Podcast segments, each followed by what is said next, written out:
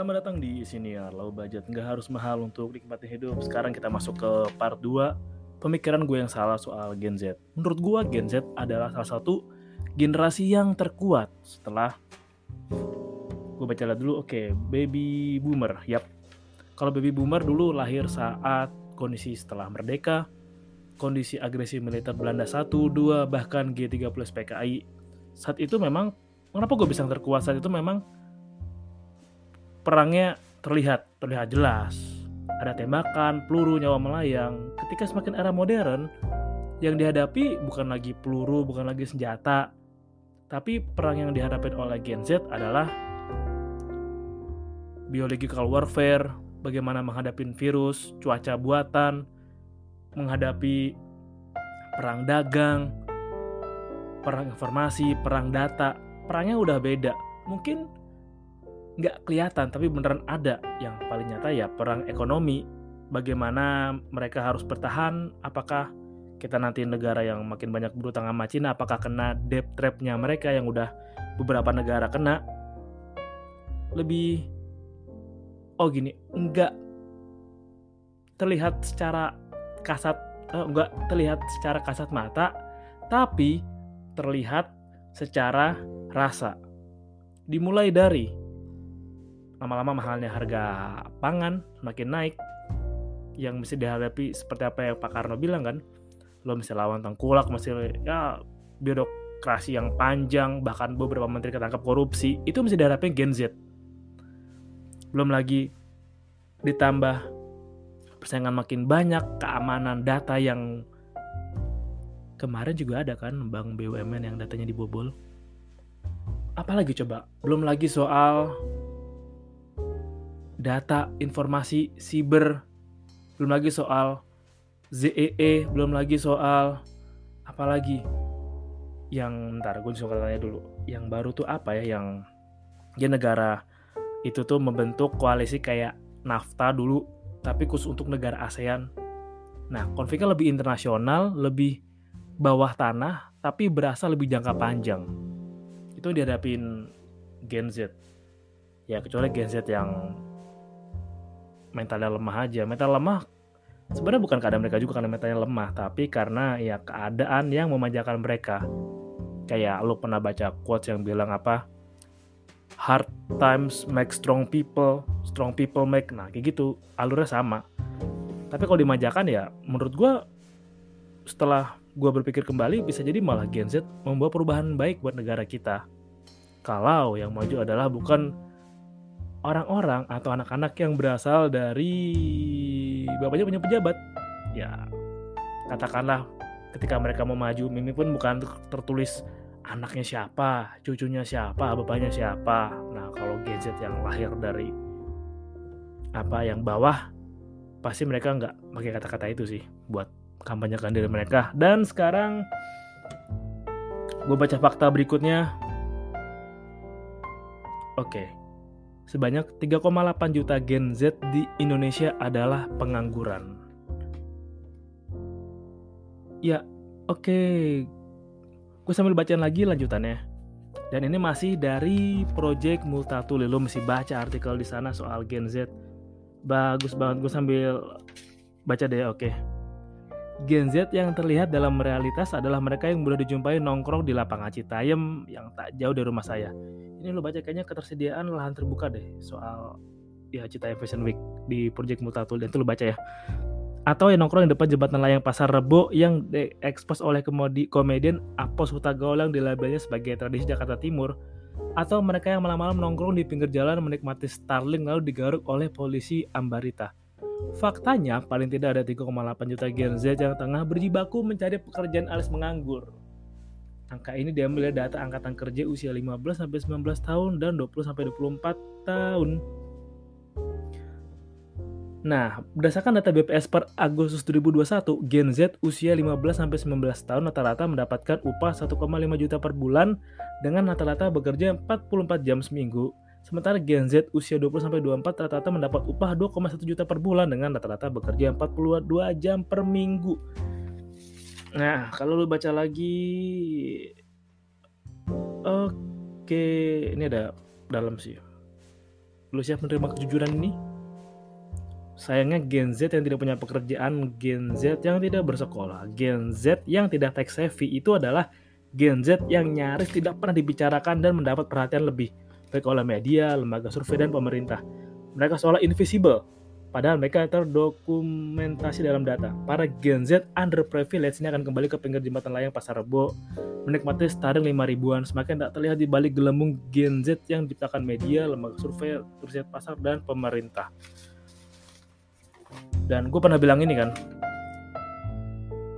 ini yang gue rasain sih dan gue juga nggak tahu lo ngerasainnya apa enggak setiap anak-anak yang kita temukan di jalan yang lagi ngamen, ngulung atau lagi pakai baju badut itu ada kewajiban dari kita atas kelayakan masa depan mereka. Jadi peran gue, peran lo tuh di setiap anak anak yang kita temui di jalan itu ada peran kita di mereka. Nah kenapa gue selalu ngerasa begitu? dan seperti gue maaf ya gue lupa nama penulisnya di Project Mutatuli tapi dia bilang bener Gen Z itu bukan orang yang lahir Jakarta ya CBD enggak se Indonesia ada yang nggak kesentuh ada yang bahkan diputus sekolah ada bahkan yang nggak ngerti gadget dan emang lu kira anak-anak pang yang masih bocah itu bukan Gen Z? Itu Gen Z anjing. Lu kenapa ngira Gen Z kayak orang-orang yang wih nge-teknologi banget nih yang kekinian banget nih yang pakai baju H&M yang pakai sepatu sneakers yang bawa tote bag yang rambutnya ala opa-opa Korea yang pakai sweater tebel celana chino. Enggak anjing. Udah bener Gen Z itu juga orang-orang yang nongkrong di Starling di angkringan di warnet di rental PS itu juga Gen Z. Emang Gen Z wajib ngerti teknologi? Wajib. Tapi untuk ke sananya emang mereka punya privilege ke sana. Jadi nyambung lagi secara gak langsung kita juga punya kewajiban di sana dan bahkan orang-orang yang pendahulu kita alias para pemimpin sekarang ya lo harus terima fakta juga bahwa keadaan yang kita terima, keadaan yang lo jalanin, yang gua rasain itu juga nggak lepas dari andil pemangku kebijakan yang ada. Berkaca dari Sri Lanka, Sri Lanka negara udah bangkrut, negara udah kolaps. Karena memangku kebijakan yang salah yang kakak ade perdana menteri itu kan presiden kan. Jadinya yang rugi semuanya negaranya anak cucunya keturunannya. Ya lu bayangin Sri Lanka bangkrut dan terancam diambil alih lah oleh negara yang ya yang sering kita dipinjemin utangnya katanya sih gitu kata Timintel. Nah, lu bayangin karena kebijakan yang salah dari orang sebelumnya maka di Sri Lanka itu gue kasih gambar nih biar lu mikir dan biar lu tahu bahwa dunia itu luas. Di Sri Lanka tuh kalau kata lu nih, bapak lu di Sri Lanka nih. Bapak lu kena efek rugi nih akibat kebijakan presidennya dulu. Jadi barang-barang mahal, semua susah. Yang kena elunya juga. Sama kayak di sini anjing. Kalau hidup lo susah, ada garis yang gak langsung dan nyambung sama peraturan yang udah dibuat kalau ada di sana. Contoh, impor. Impor apa ya lu cari tahu sendiri banyak banget lah. Eh, contoh, mau contoh apa lagi nih? Hmm, udah lama nama ini gak gue denger sih. Tapi gue takut nyebut namanya lah. Namanya bukan untuk disebut kayaknya di senior. Nah, secara nggak langsung garisnya panjang sama kayak apa yang kejadian sama fenomena Citayam Fashion Week kemarin dan ya oke okay, banyak kemarin gue bilang baik sangka dulu sama Baim Wong. Eh siapa tahu emang dinetnya baik. Karena kalau Sudirman ya gelap lampunya siapa dia perbaikin dirapihin. Dan ya akhirnya sampai ditutup. Dan Baim Wong mencabut laporan ya namun gue nggak tahu deh si Indigo siapa Aditya itu apakah masih melanjutkan atau enggak. Ya karena emang mungkin itu emang unsur organik dan beberapa kemarin setelah gue lihat dari Pak Bi, Pak Ridwan Kamil sampai komen ya emang arahnya untuk rakyat. Dan missing pointnya yang seperti penulis di Project Multatuli bilang kurangnya lahan terbuka untuk berinteraksi. Nah interaksi bahasanya. Karena kan apa sih yang dicari anak muda? Apa sih yang dicari Gen Z? Gen Z tuh bukan orang yang suka nongkrong di kafe bukan hanya orang-orang yang suka nongkrong di Starbucks. Bukan orang-orang yang pos lagi healing di Bali guys. Makan di kolam renang sambil makan terapung. Gila apa enak tuh perutnya ya? enggak Gen Z tuh juga anak-anak muda yang bonge DKK itu Gen Z bonge anjing. Lu ngapa nggak mikirin sampai situ kayak gila banget media yang framingnya. Gen Z mesti harus yang tech savvy dan bla bla bla. Ya bonge juga Gen Z kurma juga Gen Z. Mereka perlu apa interaksi untuk mengaktualisasikan diri berekspresi mereka nggak vandalisme mereka datang ingin mencari ruang terbuka yang bisa starling pinggir jalan sambil makan tahu bulat. Lu nggak bener-bener ngerasain nikmatnya hidup kalau belum pernah duduk di pinggir jalan sambil minum starling sambil ngobrol. Beh itu lo kalau ngopi starling di pinggir jalan sambil ngobrol di jembatan. Ya jembatan lain ke di pasar rebo atau kayak yang di Sudirman. Atau kalau dulu kayak gue pernah wah beli kopi Starling minum di Suropati. Datang aja nongkrong banyak anak-anak atraksi seni. Ada main skateboard ada main anak seni lain kayak lagi latihan teater. Itu yang dibutuhkan emang kayak gitu. Interaksi bukan yang HP terus. Oke buat konten TikTok kan bener. Tetapi kalau di TikTok menunjukkan kelemahan Anda daripada aktivitas gerak Anda para Gen Z yang Gen Z yang lemah sih bukan yang kuat. Blok. Nah, gue jadi mulai optimis dan walaupun juga agak pesimis juga karena ya kita juga punya sekali kita punya turut andil buat generasi Gen Z pun juga dengan para pemangku kebijakan sekarang orang-orang tua kita juga keberlangsungan hidup mereka, pendidikan mereka, kelayakan mereka dapat pendidikan, makanan, atau akses untuk mereka berekspresi, itu juga tanggung jawab dari kita. Dan tindakan nyata yang bisa gue saranin untuk lo adalah lebih banyak berbagi. Ya, mungkin kita generasi milenial yang udah menghasilkan, walaupun ada yang belum banyak, walaupun ada yang jadi masih di bawah standar berbagi aja pelan-pelan dikit-dikit aja. Berbagi pengalaman berbagi ilmu kayak gue berbagi cerita gini kan. Ya siapa tahu ada Gen Z yang denger dan lu bisa jadiin pelajaran. Siapa tahu lu bisa tergerak bahwa oh ternyata gue nggak lemah gue beneran kuat kok apa yang orang bilang soal Gen Z lemah itu. Enggak Gen Z yang lemah tuh Gen Z yang yang manja yang nggak lahir dari seperti Ayu seperti Bonge seperti Jeje seperti Kurma mereka nggak lahir dari keadaan begitu. Dan beruntunglah mereka yang nggak lahir dari keadaan yang kekurangan.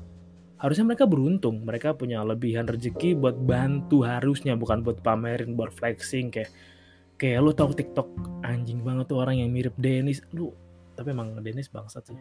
Yang ngapain Dennis bikin? Lah kalau HP lu nggak iPhone lu nggak gaul. Eh anjing lu kalau lo nggak bisa berinteraksi dengan normal teman-teman kalau waktu sekolah nggak banyak lu yang aneh gila. Jadi sambat kan gua.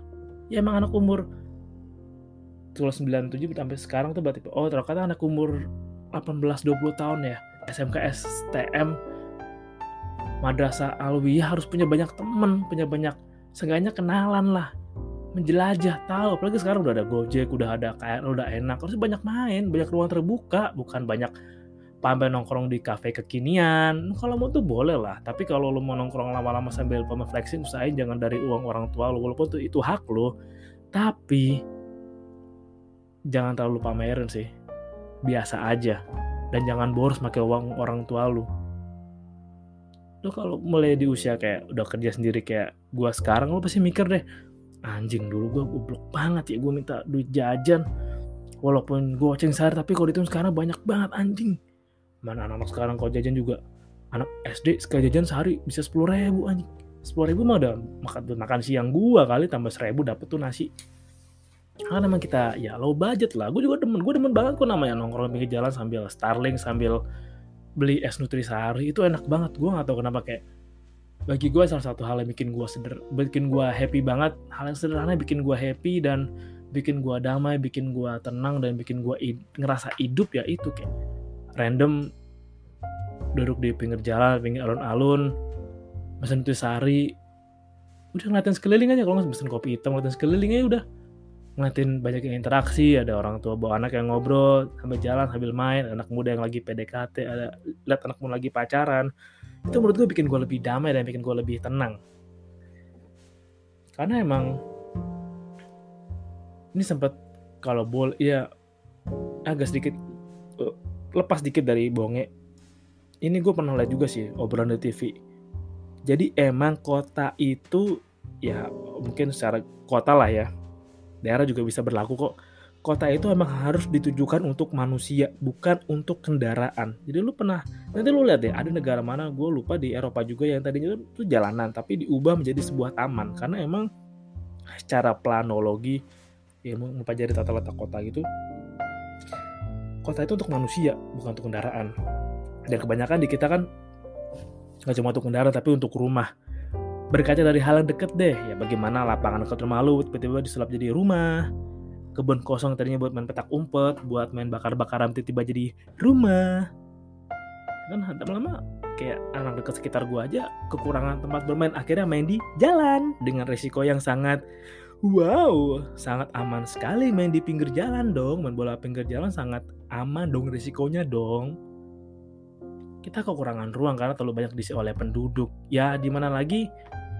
Berarti menunjukkan bahwa masih terdesentralisasi. Harusnya udah dekonsentrasi itu yang kemarin gue bahas bahwa ya setiap daerah harus punya kebijakan masing-masing. Dan menurut gue kata-kata yang baik untuk dihidupi ini nggak bisa lepas dari kayak dari si Jogja. Ya Jogja buat nongkrong pinggir jalan oke okay sih walaupun banyak kafe sekarang di Jogja kotanya lah ya banyak kafe banyak kos-kosan ya. Tadi gue baca sekilas lewat data ada seratusan kampus di Jogja yang di mana ya banyak kan pendatang. Dan oh nanti lu baca sendiri deh Project Mutatulu deh. Jogja juga enak sih buat nongkrong sambil angkringan sambil ngopi sambil ngobrol tuh enak banget. Tempat terbukanya ada sih ada utara selatan dan berikutnya ya Bandung. Bandung udah enak banget ramah buat pejalan kaki buat di kotanya gitu kan. Udaranya dingin sejuk. Wah udah enak banget udah. Dan mana lagi ya? Itu yang baru kota Bogor juga lumayan sih alun-alunnya sih lumayan. Jadi emang kota itu dirancang buat orang-orang. Dan artinya kalau emang Gen Z bingung nih daripada lu harus ke healing ke Bali, lu healing ke taman kota aja, lu ngobrol sama orang, interaksi sama orang.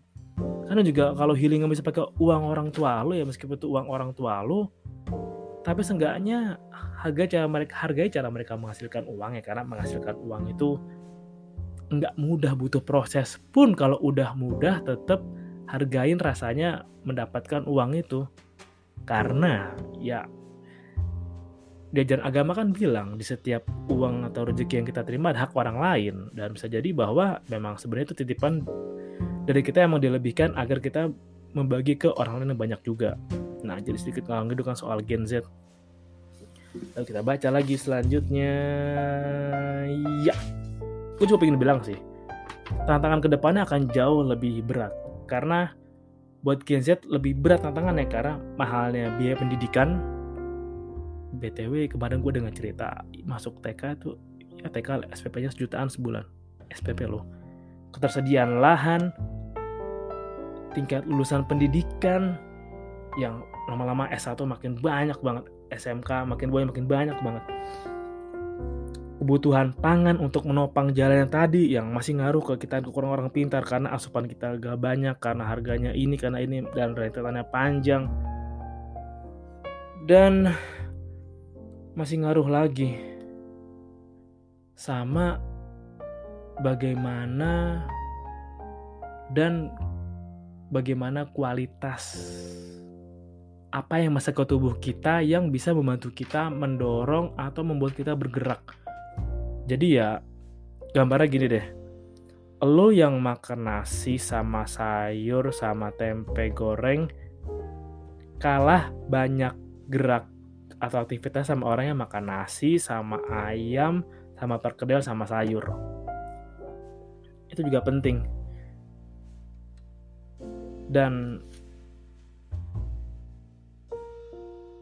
semua tantangannya kompleks. Buat Gen Z akan semakin kompleks ke depannya karena emang banyaknya di luar faktor yang karena ada faktor yang nggak bisa kita kendaliin salah satunya regulasi tadi ya gue nggak tahu ya bagaimana para pembuat regulasi pemangku kebijakan bapak-bapak ibu-ibu yang menjabat membuat kebijakan untuk rakyatnya.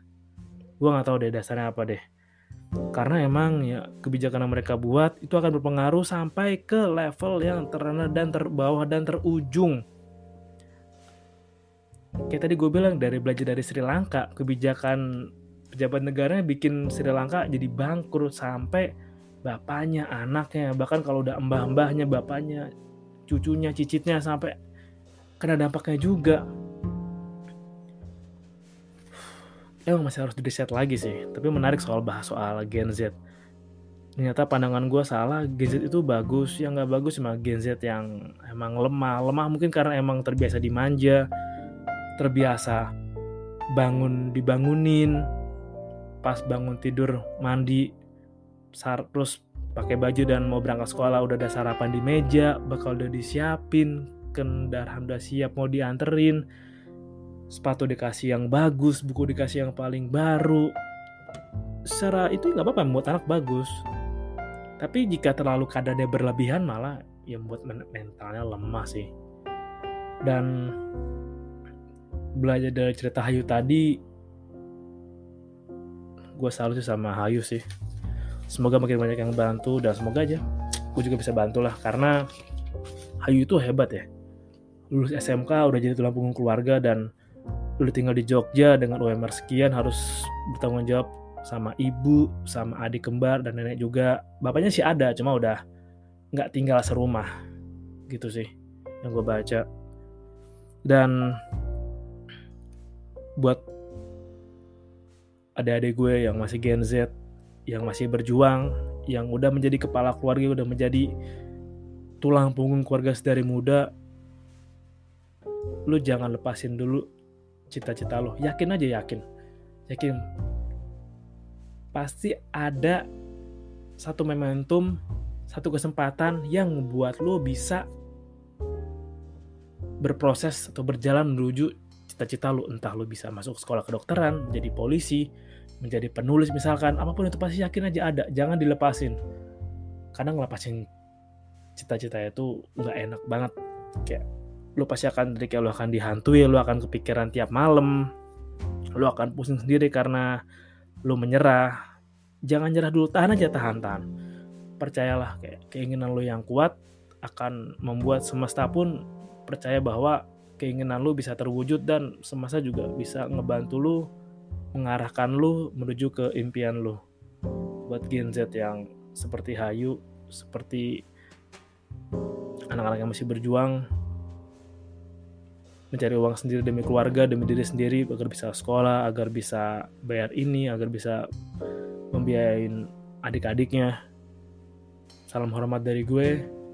Semoga kalian diberikan perlindungan. Oke, yakinlah bahwa kalian lebih hebat dari apa yang kalian pikirin. Kalian lebih mampu dari apa yang kalian pikirin. Gue percaya itu sih. Dan thank you udah dengerin. Dan salam low budget. Gak harus mahal untuk nikmatin hidup.